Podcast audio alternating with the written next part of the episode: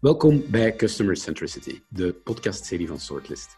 Ik ga op zoek bij specialisten ter zake naar hun visie op hoe bedrijven, klanten en consumenten centraal kunnen zetten. Wat mij betreft is dat een van de belangrijkste thema's van de, van de laatste jaren, maar vooral ook van de komende jaren. En vandaag spreek ik met Yves van Varenberg. Yves is professor marketing aan de KU Leuven en recente founder van de Calipa Group, een start-up die de kloof tussen visie en uitvoering van customer experience wil en kan verkleinen. Dag Yves. Uh, eerst en vooral, bedankt. Dag Loïc, bedankt voor de uitnodiging. Het is een uh, hele eer als ik uh, het lijstje van mijn voorgangers al bekijk. Dus dank je wel aan jou.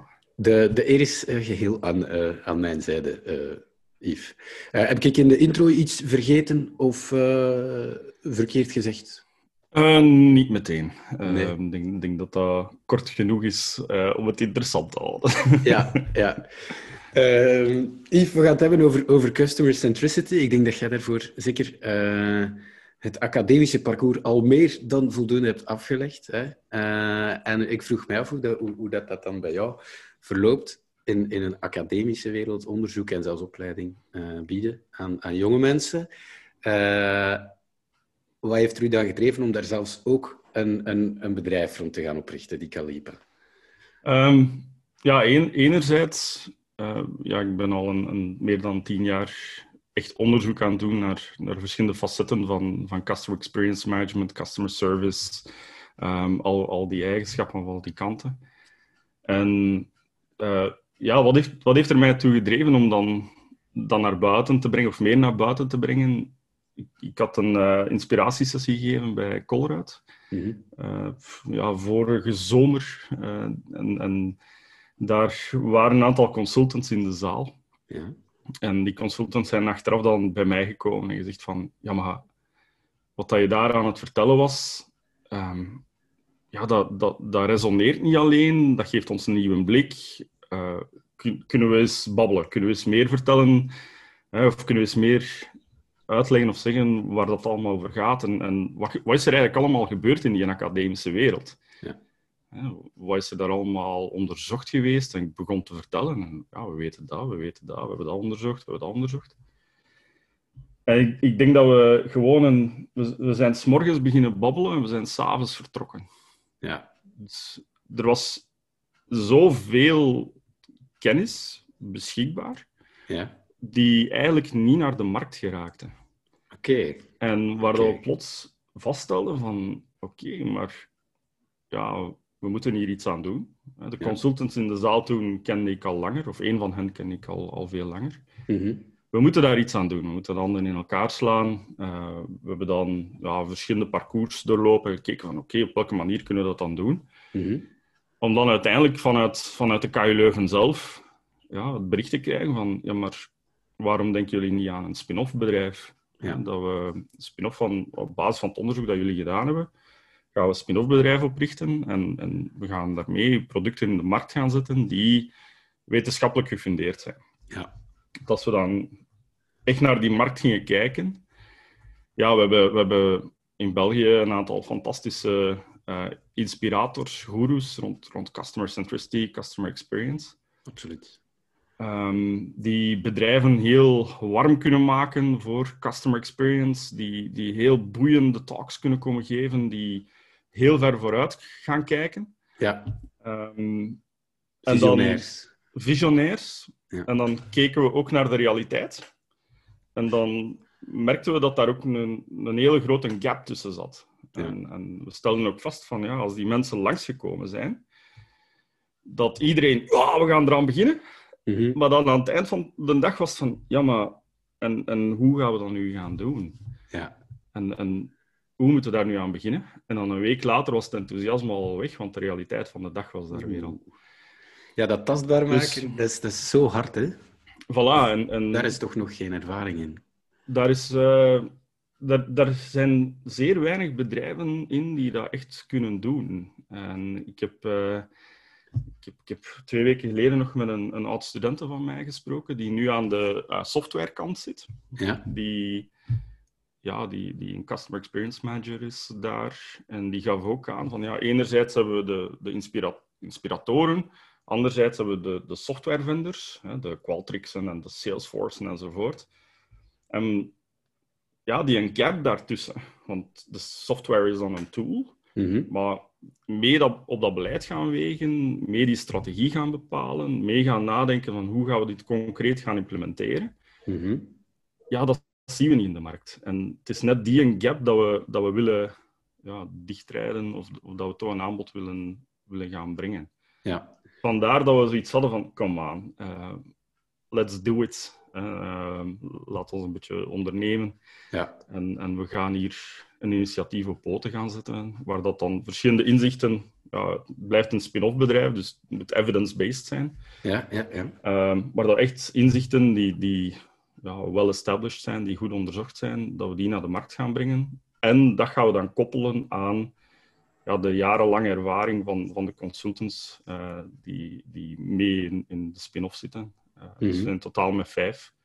Eh, meer, twee meer academisch getinte mensen. Ja, ja. En dan drie echt mensen met, met boots on the ground ervaring. Ja, Uh, met heel veel ervaring in, in grote en kleine bedrijven. ja. En die, die mix tussen die beiden, dat is, eh, ja, dat is chemie. Ehm, en dat, dat, dat geeft soms een keer vonken, uiteraard. Ja, Eh, ja, ja. Om, om de, ja, het zijn twee werelden die bij elkaar brengt. Maar zo inspirerend om, eh, om daaraan te werken. En, Ja. en om dan... Ja, binnenkort gaan we echt lanceren. We, Ja. zitten nog net in de voorbereidingsfase, de laatste, laatste loodjes. Mhm.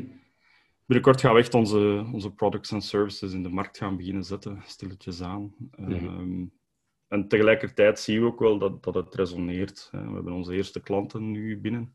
Mhm. Ehm, ook al hebben we eigenlijk nog maar, maar weinig pure reclame gemaakt, zien we wel dat er, dat er ergens ja, het resoneert. En het zijn grote bedrijven, dus dat maakt het altijd wel leuk. Ja, sowieso. Maar- Ja.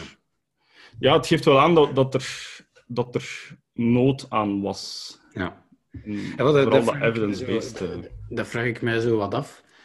Hoe bewust zijn, zijn die grote bedrijven, en ik ga het nu op België houden, hè. hoe bewust zijn die grote bedrijven zich ervan eh, dat er in, in consumer experience, customer centricity, er zijn vele woorden voor, nog zoiets, Ehm, maar hoe bewust zijn bedrijven dat er daar nog heel grote stappen in te maken vallen? Dat is een heel goede vraag. En ehm, dat, dat is ook een zeer boeiende vraag. Want sommigen zijn zich daar zeer bewust van. Mhm. Sommige bedrijven zijn zeer goed op de hoogte van oké, we hebben nog grote stappen te maken. En ja, die gaan daarin gaan investeren. In een van de vorige podcasts was het voorbeeld van Proximus, Ja, dat al zes jaar, dacht ik, eh, een Chief Experience Director had. ja, Ehm, Telenet enzovoort, die zijn daar zeer bewust van. En, en ja, die weten dat zij continu, ja, continu moeten innoveren op dat vlak. Mhm. Maar we merken ook dat er heel veel bedrijven zijn die ja, niet op de hoogte zijn. Mhm. Ehm, die, die eigenlijk... Ja, wij praten altijd over verschillende gaps eigenlijk. Als Ja. we naar de markt kijken, dan, dan zien we eigenlijk drie grote gaps. Ja. En een eerste is de knowledge gap. En veel bedrijven hebben wel ergens een intentie om er iets aan te doen. ja, Hebben, hebben wel, oké, customer experience of klantenervaring of, of klantgerichtheid, of hoe dat je het ook wil noemen. Ja, we moeten daarop inzetten. ja. En dan begint de realiteit van de dag. Dat En dan met ja, maar acht, acht in een meeting gaan zitten Oké. en vingers draaien. voilà. En, en niet goed weten van, ja, maar wat is dat nu eigenlijk? Mhm. Wat is, wat is klant, customer experience en customer centricity? Wat is dat eigenlijk? En dat is, dat is een eerste gap dat we zien. Als we kijken naar, naar opleidingen die worden aangeboden, als je kijkt naar standaard hogeschool- en universiteitsopleidingen, eh, daar zit weinig, verrassend weinig customer centricity in. Mhm. Ehm, en op, op een van onze campussen in, in Leuven, eh, de Brusselse campus dan, hebben we echt de op- opleiding volledig ja, om, overhoop gehaald. Om dat echt een opleiding ehm, ja, klantgericht management te maken, waar dat vak als Customer Experience Management bijvoorbeeld in zit. Ja. Dus er is een knowledge gap. Er zijn wel een aantal mensen die masterclasses aanbieden enzovoort. Eh, ik heb er een aantal daarvan geëvalueerd. En Ja. die zijn zeker goed. Eh, maar je merkt dat daar ja, dat, dat de kennis eigenlijk al verder gevorderd is. Mhm. En ik, ja, een van de, de meest opvallende dingen, ik heb een, een jaar geleden, denk ik, een online masterclass gevolgd van Bruce Temkin, hè, een, wereldwijde guru rond customer experience management. Qualtrics heeft hij met veel geld binnengehaald. Mhm. Oké, en, en ik begon de opleiding van what is, what is the customer experience? En ah, we developed a new model, Ah, we hebben iets nieuw ontwikkeld enzovoort. En, en dat werd gepresenteerd. En mijn eerste reactie was van, aha, dat is eh, Christian Greunroos zijn werk uit 1984. ja, ja. Die dat het wiel niet uitgevonden is. Voilà, maar dat is Christian Greunroos zijn werk uit 1984. Maar dat was dan het, het nieuwe vertrekpunt. Terwijl het, het, het academische onderzoek dan, Mhm. hè, we, we krijgen altijd het verwijt dat we veel te traag zijn. Ja, Ehm, maar het academisch onderzoek zit al veel verder ondertussen. ja. En gaat dan heel veel nieuwe inzichten gaan opleveren die, ja, die, die nog niet naar de markt zijn geraakt. Ja. En eh, ja, voor het NPS bijvoorbeeld, eh, ja, Net Promoter Score. Je hebt lovers en haters. ja. Eh, als, als wij daar neutraal naar kijken, ja, ik denk dat quasi alle academici zeer kritisch er tegenover staan. Zeggen van, ja, eigenlijk eh, is dat een beetje eh, nonsens. Hoezo? Ehm, ja, het, het werd destijds gepresenteerd als, als de ultimate metric, hè, the one number you need to grow. Eh, Ja. mooi verteld door, door Fred Reichelt. Mhm. Al uw andere metrics smijt die allemaal weg. Je hebt die allemaal niet nodig, je hebt maar één nodig. En dan vier jaar later is in, in Journal of Marketing, wat dan een van de meest gerenommeerde business journals is, ehm, is een paper verschenen die aantoonde van ja, het, het onderzoek waarop eh, het NPS-verhaal is gebaseerd. Ja, wij kunnen dat niet repliceren, zelfs niet met dezelfde data. Dus wij kunnen niet diezelfde bevindingen vinden. Ehm, en uit dat onderzoek bleek dan van oké, ja, net promoter of, of eh, satisfaction, dat geeft eigenlijk allemaal dezelfde resultaten. Ja, En als je dan nog verder gaat kijken, al die metrics, die hebben allemaal hun limitaties. Die hebben allemaal hun, hun, hun eigen probleem, ja. eh, waardoor dat je eigenlijk niet... Ja, de metrics die gebruikt worden, zijn niet altijd indicatief voor de customer experience. En vaak de meest interessante informatie is, is eh, in een Net Promoter Survey bijvoorbeeld. Het meest interessante stuk is, is dat vakje dat eronder staat. Mhm. Geef hier uw commentaar. ja. En dat is vaak het luik dat niet gelezen wordt. Ik heb eh, naast een manager gezeten van een groot bedrijf. Die kregen 7000 surveys per maand binnen. ja. Ja, cijfertje, gemiddelde berekenen of de Net Promoter Score berekenen. Uh, jee, we zijn gestegen. Eh, of het nu statistisch significant was of niet, Ja. daar heb ik geen rekening mee gehouden. En dan die, ja, die open vraag die eronder stond, de verhalen van mensen. Mhm. Ja, dat was door de eerste honderd een keer doorscrollen en dan, ja, dat ziet er wel oké uit. Ja. En dan zijn er een aantal onderzoekers geweest die eh ja, tekstmining-procedures daarop losgelaten hebben. Ja. En die dan aantonen dat bijvoorbeeld een, een score van 9 op 10, ja, dat dat eigenlijk niet altijd indicatief is. En eh, wat dat er in de commentaren staat, vaak een veel betere voorspeller is van, van vertrekken van klanten of ontevredenheid van klanten. Ja. Dus dat zit... Dus een ik, ik, ik ga het even proberen. Een correlatie tussen NPS en churn bijvoorbeeld is, eh, of er één hebben of er één vinden, is een beetje optimistisch. Ehm, In sommige gevallen zal die correlatie er wel zijn, ga ik vanuit. ze, je, je kunt ze wel vinden. Ja. Eh, ze is zeer zwak, Ja? eh, Ja. maar je kunt ze wel vinden. Ehm, het is alleen in, in de extreme gevallen, dan is het echt indicatief. Iemand die echt 0 op 10 geeft, ja, dat, dat is echt problematisch. Ja. Maar of dat iemand 8 geeft of 9 geeft, maakt een wereld van verschil in de NPS-terminologie. Terwijl in de realiteit Ach, dus Ja. goed. dus. 8 is goed. En, eh, dus ja, het, het, is ik, heb, veel complexer. ja. Ik, ik, heb, ik, ik wil nu even doorvragen over die NPS, als je daar eh, Ja. akkoord mee bent, Yves. Ehm, ik heb al gemerkt, uh, via mensen die ik ken, die in, in, in bijvoorbeeld in callcentra werken of in, in uh, klachtengebaseerde omgevingen, dat je dat echt als een vanity metric kunt gaan behandelen. En op dagen dat je weet, nu wordt de NPS-score gevraagd, ga ik alleen maar eenvoudige klanten daaraan blootstellen. Of klanten ah, die ja, ja, een absoluut. grotere kans hebben op satisfaction. Of we zetten 8 en 9 in het groen. En, Ja. eh, 9 en 10, sorry, in het groen. Ja. En mensen gaan, ah ja, groen. Ah ja, dat is goed. Ja, en je kunt Ja, heel heb- kunstmatig dat getal omhoog. Allee, Het, het meest fantastische voorbeeld was bij een bank. Eh, ik kwam binnen in de bank. Eh, het was een tijdje geleden, voor, nog voor mobile banking echt eh hyper populair was.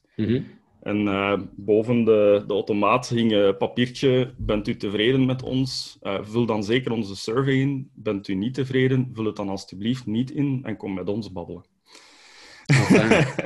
Oh, Dus het- heb, eh, Er zit een goed ding, hè. Kom met ons babbelen, vind ik goed. Ja, maar het was vooral van, vul dat dan alstublieft niet in, want onze bonussen hangen af van die satisfaction metrics. Allee, Dus laat het ons een beetje in, ja, laat er ons een beetje inflatie passen. Ja. Ehm, en ja, vanaf het moment dat, dat de metric zelf het doel wordt, dan zit je met een probleem. Ja. Want dan draait het niet over klantgerichtheid of customer experience of wat dan ook. Dan wordt er ja, gegamed langs alle kanten, langs alle zijden. Mhm. En kunt je echt de vraag stellen van oké, wat zijn we hier eigenlijk aan doen? Willen we, echt, willen we echt de tevredenheid naar omhoog halen of willen we gewoon dat cijfer naar omhoog halen? Ja. En daar zit vaak dan... Dat maakt het verschil tussen een, een, een klantgericht bedrijf en dan een bedrijf dat, dat niet zo klantgericht is. Ja. Zou dat dan ook een beetje van, van die, de knowledge gap, was het, denk ik, Ja. eh, kunnen deel uitmaken? Ja. Dus durven, Men defi- weet... durven men weet definiëren wie de slechte zijn. Ay, de slechte. De Ja. ontevreden. En waarom? Absoluut. Absoluut. En ehm, wat dat je merkt in, in veel bedrijven, en het, het is ietsje beter aan het worden, Mhm. Maar in veel bedrijven is het nog altijd de houding van oei, een klagende klant, we hebben dat niet graag. Die verstaat ons niet. Die, die verstaat ons niet, die kost ons geld. We moeten naar eh, de customer service afdeling daarvoor eh, zoveel geld sturen altijd, elke Mhm. maand. Ehm, we hebben dat niet graag. Terwijl uit onderzoek bijvoorbeeld weten we dat de, het zijn de meest loyale klanten die klagen. Mhm. Het zijn uw trouwste klanten die klagen. Het zijn niet uw klanten die zeggen van, "Pff, ja, dat bedrijf, die zijn sowieso weg. Ja. Die geven u geen tweede kans meer. Het zijn uw trouwste klanten die gaan zeggen van, "Ehm, ik heb hier een probleem gehad.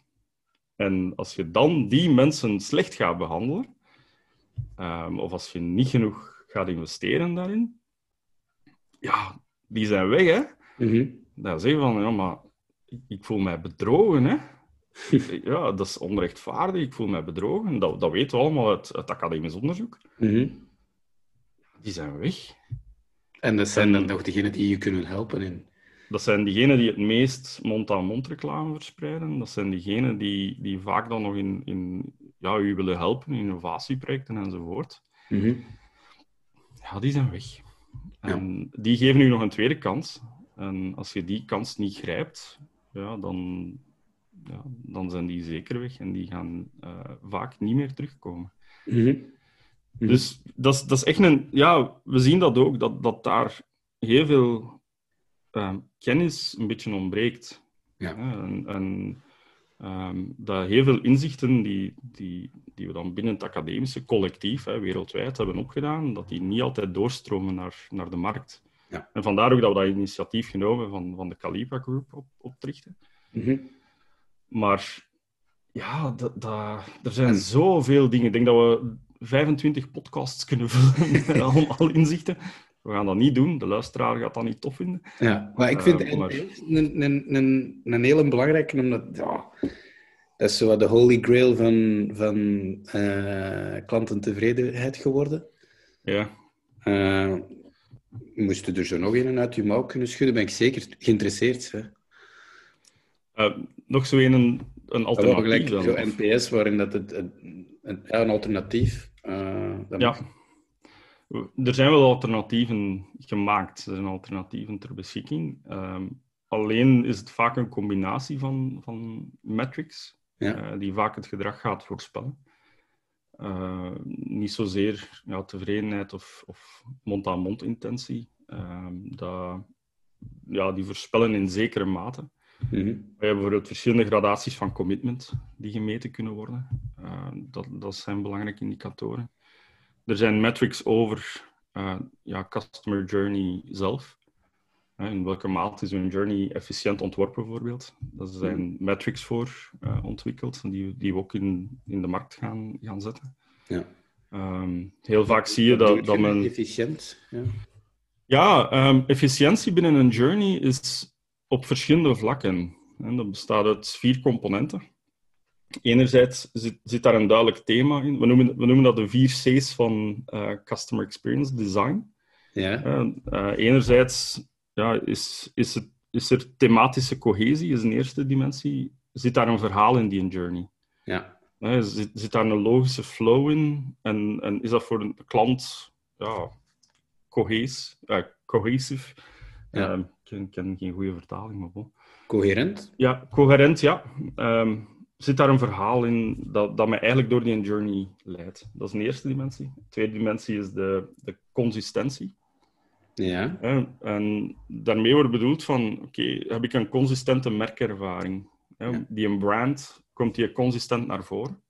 Als je bijvoorbeeld kijkt naar, naar alle online retailers, ze gaan allemaal gaan investeren in um, ja, het, het um, zo vlot maken van de website, een geweldige user experience gaan bieden, enzovoort, enzovoort. Coolblue gaat, gaat filmpjes erachter gaan zetten, enzovoort. En uiteindelijk is het iemand van FedEx die het in uw, in uw ja. komt smijten. Ja, en al de uitlaatgassen als enigste zichtbare uh, feit achterlaten, want hij is al... Ja, als je geluk hebt, als hem, als hem al nog niet verder weg is. Ja. ja. Um, dus ja, consistentie is van oké, kunnen, kunnen we heel dat end-to-end verhaal binnen een merk gaan ophangen. Ja. En uh, Amazon begint dat nu te doen met Amazon Prime. Dan zie je mhm. dat ze die last mile delivery, dat ze die ook in handen beginnen nemen. Ja. Uh, dus dat is consistentie. Uh, contextualisering is de derde C van, van design. Ja. ja personalisatie, gaan we de context in rekening gaan nemen. Um, gaan we, gaan we eigenlijk de journey gaan aanpassen aan de behoeften van de klant. Of, of mhm. aan situaties die buiten gebeuren, bijvoorbeeld. Uh, ik heb zo ooit een vlucht genomen van Frankfurt naar Miami tijdens het WK voetbal in Brazilië. En uh, op het WK voetbal was uh, Duitsland tegen Amerika aan het spelen. Ja. Terwijl we op een vlucht zaten van Lufthansa van Duitsland naar Amerika. Ja. Dus kunt u de, de, de, ja, als organisatie kun je daar niks mee doen. Mhm. En klanten gaan dan zeggen, oké, okay, dat gaat niet opvallen. Uh, wat heeft Lufthansa gedaan? Alle stewardessen en stewards hadden allemaal Duitse vlagjes op hun wangen. Ja. Uh, de piloot gaf ons elke vijf minuten een update van uh, dit is er allemaal gebeurd. wie dat er dan met vliegtuig aan het vliegen was, dat laat even in het midden, maar de automatische piloot zal wel... Ja, dat die technologie is in orde. Voilà. Dat is contextualisering en dan het laatste is connectiviteit. Hè. Data van, van één punt naar een ander punt gaan brengen. Ja. Dan moet ik als klant vijf keer dezelfde informatie geven enzovoort. Dus dat is efficiënt mhm. design van, van een journey bijvoorbeeld. En, en dat kunnen we meten. We, kunnen dat, we hebben daar indicatoren voor. Ja. In welke mate een klant dat ervaart. En we merken dat dat, dat, dat ja, een voorspeller van loyaliteit is. Ja. Uh, dus ja, dat soort zaken bijvoorbeeld. Dat, dat, dat vind ik super interessant wat je nu zegt, is dat we kunnen voorspellen wat loyaliteit is, of zelfs churn. um, churn is ook zo'n heel, heel aan, ja. de laatste jaren enorm aan belang toegenomen, churn, retention. En dat wordt dan ook als het North, de North Star metric genomen, maar eigenlijk is dat een, lagging, een lagging indicator. Uh, ja en nee. Um, en ik, ik, ik volg, het was ook in een van de vorige podcasts aan bod gekomen, hè, dat, dat dat de, de indicator moet zijn. En mm -hmm. dat, dat brengt me eigenlijk bij de tweede gap. Dus, Ik had drie, drie gaps gedefinieerd. De tweede gap is de strategy gap. Ja. Connecteren met strategie van het bedrijf. Uh, je ziet heel vaak losse initiatieven genomen worden. Maar echt een, een strategie die erachter zit en ja, die heel het bedrijf gaat proberen meepakken. Ook al werkt het vanuit losse initiatieven en bouwt het dan op. Mhm. Maar om je bedrijf mee te pakken, heb je een board nodig. Of je hebt je, je topmanagement team nodig. Een wederkerend thema, ja. Ja, en um, ja, de, de, de interesse van de boardroom is meestal gewoon de kleinste viool ter wereld. Ja. Money. Ja. Dus churn, churn is een goede indicator. Uh, waar dat wij naar kijken is, is customer equity. En dan wordt het interessant, want wat is customer equity? Wat is de, de toekomstige monetaire waarde van mijn klantenbestand? Mm Hoeveel zijn mijn klanten waard in een toekomstige periode, Mhm. een toekomstige relevante periode? Uh, zodat, en dat is een indicator die, die in geld uitgedrukt wordt. Mhm. Hoeveel, als we kunnen schatten, we hebben hun, hun vorig gedrag, we kunnen voorspellen of dat klanten gaan churnen of niet. Mhm. En we kunnen dan gaan inschatten, nou, als het een beetje business as usual is, of ja, je kunt wel rekening houden met een aantal tendensen, maar kunnen we gaan vo- voorspellen van oké, in, de, in de toekomst, in het volgende twee jaar bijvoorbeeld, gaan we in principe zoveel geld, gaat ons klantenbestand zoveel waard zijn. Ja. ons klantenbestand zoveel geld in het laadje brengen. Dus churn is daar een element van. Maar als je denkt aan maar de waarde van mijn klantenbestand, als dat mijn hoofdindicator is, ja, dan beginnen we daar anders naar te kijken. Want als we nieuwe klanten binnenhalen, door bijvoorbeeld een goede, goede customer experience te gaan geven, ja, gaat dat proces vlotter zijn Mhm. en gaan die nieuwe waarden gaan binnenbrengen. Ja. Dus dat is, dat is één element van ah ja, customer equity. Als we dat willen uitbouwen, ja, dan moeten we nieuwe klanten gaan werven. Ja. En dan moeten we eigenlijk niet elke klant gaan werven. Wij, wij moeten een beetje selectief zijn in klanten die, die effectief iets gaan bijdragen. Ja. Dus dat is één element. Een ander element is ja, de churn dan. Hè. Klanten die Mhm. weg zijn. Je kunt berekenen hoeveel waarde dat je kwijt bent hè, elk jaar. Ja. Of elke periode.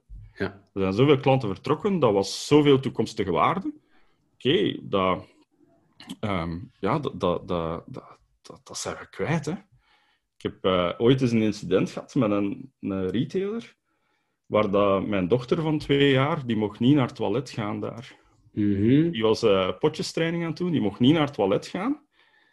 Ik heb, omwille van een policy, company policy, eh, we hebben alles laten liggen eh, en we zijn nooit meer teruggekeerd. En dat was ongeveer, we gaan daar ongeveer 250 euro per jaar uit. Mhm. Ehm, op, op een relevante periode van 10 jaar bijvoorbeeld. Hè, want vanaf 12 jaar beginnen kinderen zelf te zeggen van mama, papa, ik wil naar daar gaan. Ja, ja, ja. Ehm, dus ik had, ik had uitgerekend, oké, het feit dat die, eh, die kinderen niet naar het potje mogen, dat kost dat bedrijf 2500 euro ongeveer. Nee, Ja. 2000 euro ongeveer. Ja. Daar heb ik een beetje doorgevraagd. Van, oké, eh, hoe, hoe vaak gebeurt dat hier eigenlijk? Ah, dat is één à twee keer per week. Oké, laten we ons één Ja. keer per week Ja. nemen, 250 filialen. Dus dat kwam neer op 7 miljoen euro dat weg was. ja. Dat is... Dat is... En Je dat, mag niet naar het toilet gaan. ja. ja, en zo zijn er veel meer kleine dingetjes die, Voilà. die, die niet opgepikt worden. Voilà. Dus dat is, dat is dan de tweede component, hè, klanten die vertrekken van customer equity. En Ja. de derde component is dan ja, uw huidige klantenbestand. Kunnen daar upselling, cross-selling gaan doen. Mhm. En dat- We weten ook allemaal dat wanneer je goed bent voor je klanten, dat je meer upselling en, en cross-selling kansen hebt. Ja. En we weten bijvoorbeeld dat klanten die, ja, die geklaagd hebben, hè, die een probleem hebben gemeld, eh, en waar dat, dat goed is opgelost, die gaan vaak meer gaan uitgeven achteraf. Dus die, daar zit een return on investment aan. Die gaan meer gaan uitgeven en die gaan vaak nog aanbevelen aan anderen. Mhm.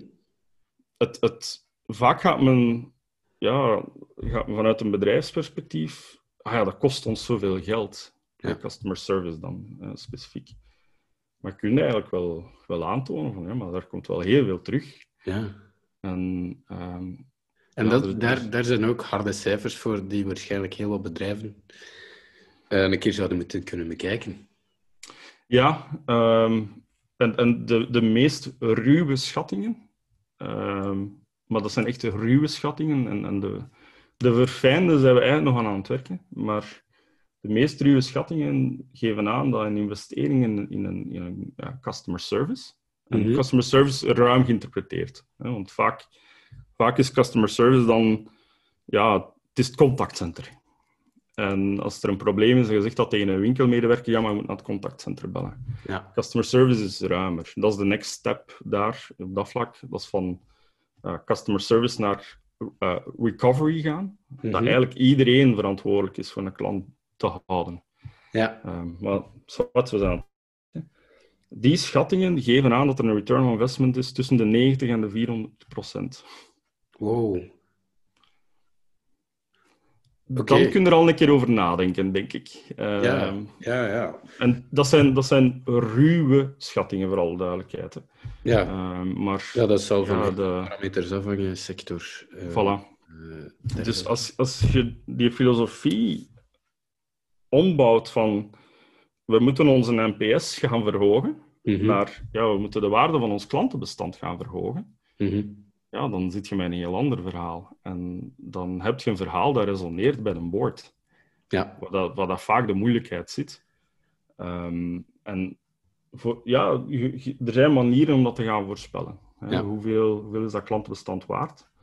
Er zijn ook studies geweest dat eh, bijvoorbeeld marketingmanagers dan zijn vooral bezig met hun brand. Mhm. Onze, onze brand equity, hoeveel is ons, ons, ons merk waard? Er zijn studies ge- gedaan die aantonen dat uw eh, customer equity, de impact van uw customer equity op prestatie van uw bedrijf, is twee keer zo groot als die van uw brand equity. ja. En we zijn allemaal bezig over brand equity, en vanuit marketing dan. Allemaal, ah, onze brand, hè, we moeten onze brand sterk maken. En die customer equity, die vergeten we dan. Ja. Ja. Terwijl dat het... eh, terwijl dat het... Als je customer equity niet bekeken wordt, gaat het nooit niet lukken. Allee, nee. Ik wil dat niet uitsluiten, Ehm, maar daar zit een heel wel- veel gaat groter potentieel in. Er zit een veel groter potentieel in. Ik Vooral ook, vooral ook wanneer dat uw bedrijf verkocht wordt. Mhm. Ehm, je weet direct hoe- met uw waardering van uw bedrijf Ja. hoeveel dat, dat waard is. Hè? Je weet ongeveer hoeveel dat er in de komende periode, en voor elke industrie verschilt dat, hè, voor alle duidelijkheid, maar hoeveel dat er in de komende periode gaat binnenkomen. Ja. Ja. En zo, Facebook is ooit zo, heeft ooit een aanbod gehad van Yahoo. Mhm. Ehm, pff, Dat zal tien, lang jaar, geleden tien, geweest tien, jaar, tien jaar geleden, denk ik. Eh, waarbij dat heel veel analisten zeiden van oké, maar waarom, waarom verkopen die? Het was, het was een miljardenbedrag toen al, uiteraard, voor, voor Zuckerberg dan vooral. Ja. Ah, waarom verkoopt je dat niet? En eh, wij hadden toen de berekening gemaakt van ja, maar hoeveel customer equity zit daar eigenlijk in dat bedrijf? Ja. En dat was drie keer groot. Ja, voilà. Dus dan, dan heb je zo... Ja, het- En dat het- was misschien ook nog voor de enorme advertising Ja, value van, eh, van Absoluut. Facebook. Of van ons Absoluut. als individu. Van ons vooral.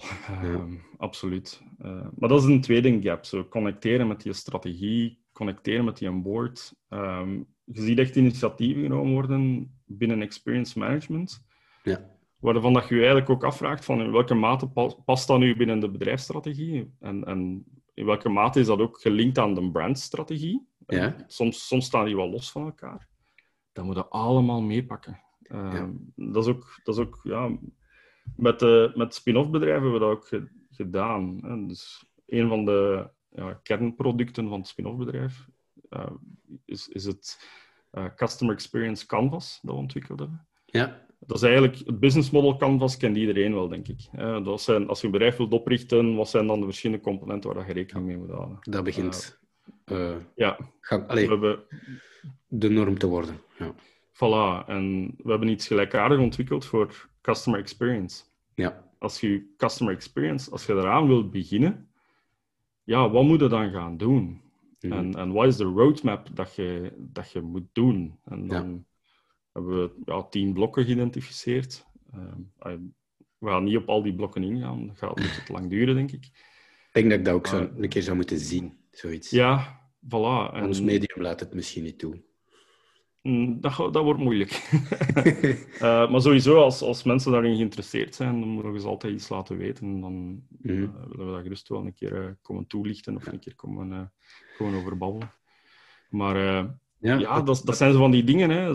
Strategie rond experience, dat moet ook ontwikkeld worden. Dat moet fitten met de organisatie enzovoort. Mhm. En dat zijn dan de, ja, de, de, de, dat is best een, een uitdaging voor, voor veel bedrijven. Daar willen we dan van, vanuit ons onderzoek ook, uh, willen we daar echt mee helpen. En, uh, we hebben nu ook wel een... Uh, het is tijd om echt naar de markt te gaan en de markt te helpen, zeker nu dat zo aan boomen is. Ja, daar ben ik volledig mee akkoord, dat het tijd is. Uh, ja. ik, ik, ik vind dit trouwens de eerste keer in, in de podcastreeks. Dus je hebt eigenlijk iets aangehaald. Er zijn veel visionairs. En iedereen vindt en, fantastische mensen. Iedereen, hè? Ja, voilà, die hebben heel veel waarde. Die, die lopen voor de, de, de, kudde natuurlijk. En uh, het tastbaar kunnen maken uh, door iets als customer equity. Uh, en dat, dat, is bijna een businessplan. Hè? ja, maar het is ook een business. Je kunt gaan kwantificeren. Wat gaat de impact zijn van customer centricity helemaal door de organisatie te laten sijpelen? Is denk ik een heel, heel krachtige manier om, ja. om de board aan boord te krijgen. Excuseer. Ja, en, en, ja dat is een mooie uitdrukking. Uh, ik denk, denk dat daar ook een beetje het probleem zit met, uh, met de visionairen. Uh, nogmaals, ik vind, vind fantastische mensen. Hè. wat dat die mensen voorstellen, doet nadenken en, en doet ons, inspireert ons, ook, Mhm. ook ons, als academici. Maar we mogen ook niet te veel dromen. En we mogen ook niet te veel dromen van de ultieme experience, wanneer dat, uh, ja, heel veel klanten slecht behandeld worden Ja. vandaag de dag. Dus we, we moeten ook realist zijn. En we moeten ook realistisch zijn in het feit dat niet elk bedrijf een goede ervaring levert, waarop dat die visionairen hun, hun verhaal verder kunnen bouwen. Ja. Dus we, we moeten ook wel ja, realiteitszin hebben. En er zijn studies bijvoorbeeld, uh, het laatst was nog eentje uit Amerika, uh, 2000, eind 2019 uitgevoerd. De helft van de Amerikaanse gezinnen had daar problemen met de experience die ze krijgen van bedrijven. De helft. Van die helft heeft 20% daar uh, gerapporteerd. Ja. Zegt van oké, okay, er is een probleem. Hè. Dus ja, het is maar één op vijf die je nog een tweede kans geeft. Ja, en dat is al En- van, wacht, 50% en daarvan 20%. Ja, ja. Ja. En, eh, dus, en eh, hoeveel was het? 50, dan nog eens 50% daarvan Mhm. heeft geen enkele oplossing gekregen voor het probleem. Ja. Dus voordat we beginnen dromen over eh, robots en over wat nog allemaal in de dienstverlening, laat ons ook realist zijn en zeggen van oké, we krijgen mensen hun problemen nu niet opgelost en technologie gaat niet altijd helpen. Mhm. Uh, technologie gaat misschien een beetje helpen, maar in het geval van een chatbot bijvoorbeeld, weten we dat die staan nog niet op punt. Zeker niet voor een, een Belgische markt, een Nederlandstalige markt. Mhm. En uh, we weten ook dat mensen, wanneer dat ze een probleem hebben, dan willen ze met een mens babbelen. Ja. Omdat ze denken dat ze de mens nog een beetje kunnen manipuleren om hun, hun, toch nog een oplossing te krijgen. En de mens kan ook de, de bedrijfsregels een beetje omzeilen, Mhm. als je een medewerker hebt. Terwijl een chatbot is geprogrammeerd om dat niet te doen. Hè. Ja. Mensen nemen dat mee. Hè. Dus Ja, dat, Ik denk dat mensen ook in zekere zin wat meer empathie kunnen tonen. Wat dat wel absoluut. heel veel waarde heeft. Eh, Absoluut, maar daar, dat is, dat is een, een heel moeilijk verhaal. En, ehm, dat, dat leidt mij een beetje naar de, de derde gap, hè, de, de implementatiegap. Dat is een heel groot implementatiegap. We willen er iets aan doen, maar ja, om er iets aan te doen, moeten er eigenlijk heel veel heilige huisjes sneuvelen. En dat implementeren en dat borgen binnen een bedrijf is echt heel moeilijk. Ja. Um, dus heilige huisjes die sneuvelen, hè, om, om het verhaal in te pikken. Die medewerker moet empathie tonen. Oké, okay. uh, maar als jij in een, in een job zit waar dat je uh, niet altijd het juiste leiderschap krijgt, mhm. uh, waar dat je een, een touw rond je nek krijgt, dat altijd een beetje aangetrokken wordt om wat harder te werken. En, Ja. en de focus op efficiëntie alsmaar groter en groter en groter wordt, Ja. dan kun je niet empathisch zijn. Hè? Ja. En ook niet niet iedereen is geschikt om in een, in een frontline job te werken. Uh, niet iedereen is daarvoor gemaakt. Mhm. Dus de, in een van de vorige podcasts opnieuw, ja, experience management is voornamelijk marketing, sales en customer service, dat ik daar uh, opgevangen. Ja, ja. Ja, dat is, dat is nog te nauw gedefinieerd. Hè. Uw HR speelt een enorme rol. Ja, Want zij moeten voor de juiste selecties gaan zorgen. Mensen Ja. die empathisch zijn, eh, mensen die, die anderen kunnen lezen. en die empathie kunnen behouden. Over de Voilà. tijd. Voilà. Eh, dus dat, dat, daar zit een heel, groot, een heel grote rol in voor HR. Ehm, en, en sommige bedrijven doen dat fantastisch. Hè. Eh, First Direct Bank bijvoorbeeld in, in Engeland. Die recruteren vooral ja, verpleegkundigen aan. eh, verpleegkundigen recruteren die vooral. Ehm, mensen uit de sociale sector. Sociaal werkers, verpleegkundigen, eh, leerkrachten. Die, die niet meer in die discipline verder willen gaan. Die zijn warm welkom bij die bank. Omdat die vaak ja, die instelling hebben om met mensen te werken en te connecteren luisteren. enzovoort. Ja. Dus men gaat ja, hire for, for attitude en train for skill. Hè. Ja, Wij, wij moeten gaan onze aanwervingsprocedures gaan aanpassen. ja. Ik ben het daar 100% mee eens. Eh Yves, en je hebt mij ook een idee gegeven om een nieuwe zoektocht naar een spreker te gaan. HR als drijvende kracht in eh, het centraal stellen van, van klanten of customer centricity. Dus, dus ik, speel al even molen. met dat gedacht zelf Ja. trouwens. Heel, heel actief. Hoe belangrijk dat HR daarin eh, kan spelen. Dus ik ga op zoek naar een HR-expert. Moest er is, iemand het is luisteren? heel, heel de molen die moet draaien. Het Ja. is niet enkel marketing, het is niet service, het is niet sales, het is niet HR. Finance bijvoorbeeld speelt ook een hele grote rol. Als je Ja. afgeblaft wordt door eh, de, iemand van de finance dienst of van de accountancy dienst, ja, Die- die- experience is om zeep. Vier reminders op 24 uur. Bijvoorbeeld, hè, eh, logistiek speelt een rol, operations speelt een rol, you name it, alles. Het is, Ja. een, het is een bedrijfsstrategie. Ja. Het is geen marketingstrategie. Ja. Het is, het is, iedereen is, is verantwoordelijk voor de experience. En, eh, wel, iedereen is verantwoordelijk voor het, het managen van de experience. Want de klant heeft sowieso een experience. Ja. En, De klant heeft dat sowieso. Of dat je dat nu wilt of niet, de klant heeft altijd een ervaring. en jij beslist niet wat die ervaring is. De klant Jij beslist. De klant klant beslist. ervaart per definitie. En ja, dat- mensen vragen mij soms ook van ja, waarom moeten we investeren in customer experience? Mhm. Dan- even- Mijn eerste antwoord is altijd hetzelfde. Uw klant die heeft sowieso een ervaring. Wilt je het dan aan kans overlaten, aan toeval overlaten, of dat die goed is of niet goed is? Ja. Of wilt je er iets aan doen? Ja. Want sowieso is er een ervaring. Alleen gaat die ja, in veel bedrijven of in, in veel gevallen afhankelijk zijn van toeval. Toeval, heb je de juiste medewerker vastgepakt gekregen? Of, Heel eh, herkenbaar. ja, terwijl het, het, het, ja, er, het moet gewoon gemanaged worden. Ja. Het is zo belangrijk, zeker vandaag de dag. Eh, ik denk dat Philippe de Kleen het daar ook over had, over het feit dat de klant eh, instant beslist of zoiets, eh, als ik het mij goed herinner. Instant kritisch. Vorige- instant kritisch. En dat is vergelijkbaar met wat je zegt. Die experience Ja. is er.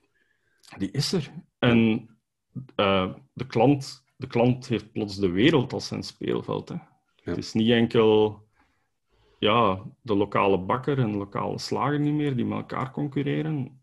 Het is Alibaba die dingen aanbrengt. eh, Ja, ja, ja. you name it. Ja. Ik, denk, ik denk dat dat een, een, een krachtige conclusie kan zijn. En de klant heeft die experience, punt.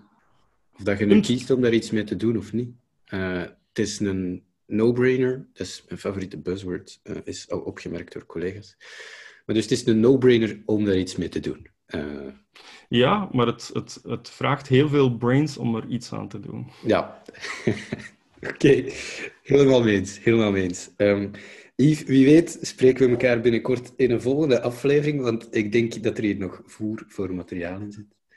Ja, Eh, graag. Eh, het is eh, zeer leuk. Bedankt voor de uitnodiging. En, ja. Ik hoop dat de luisteraars het ook inspirerend vinden. Ongetwijfeld, ongetwijfeld. hartelijk bedankt Yves en tot binnenkort. Graag gedaan.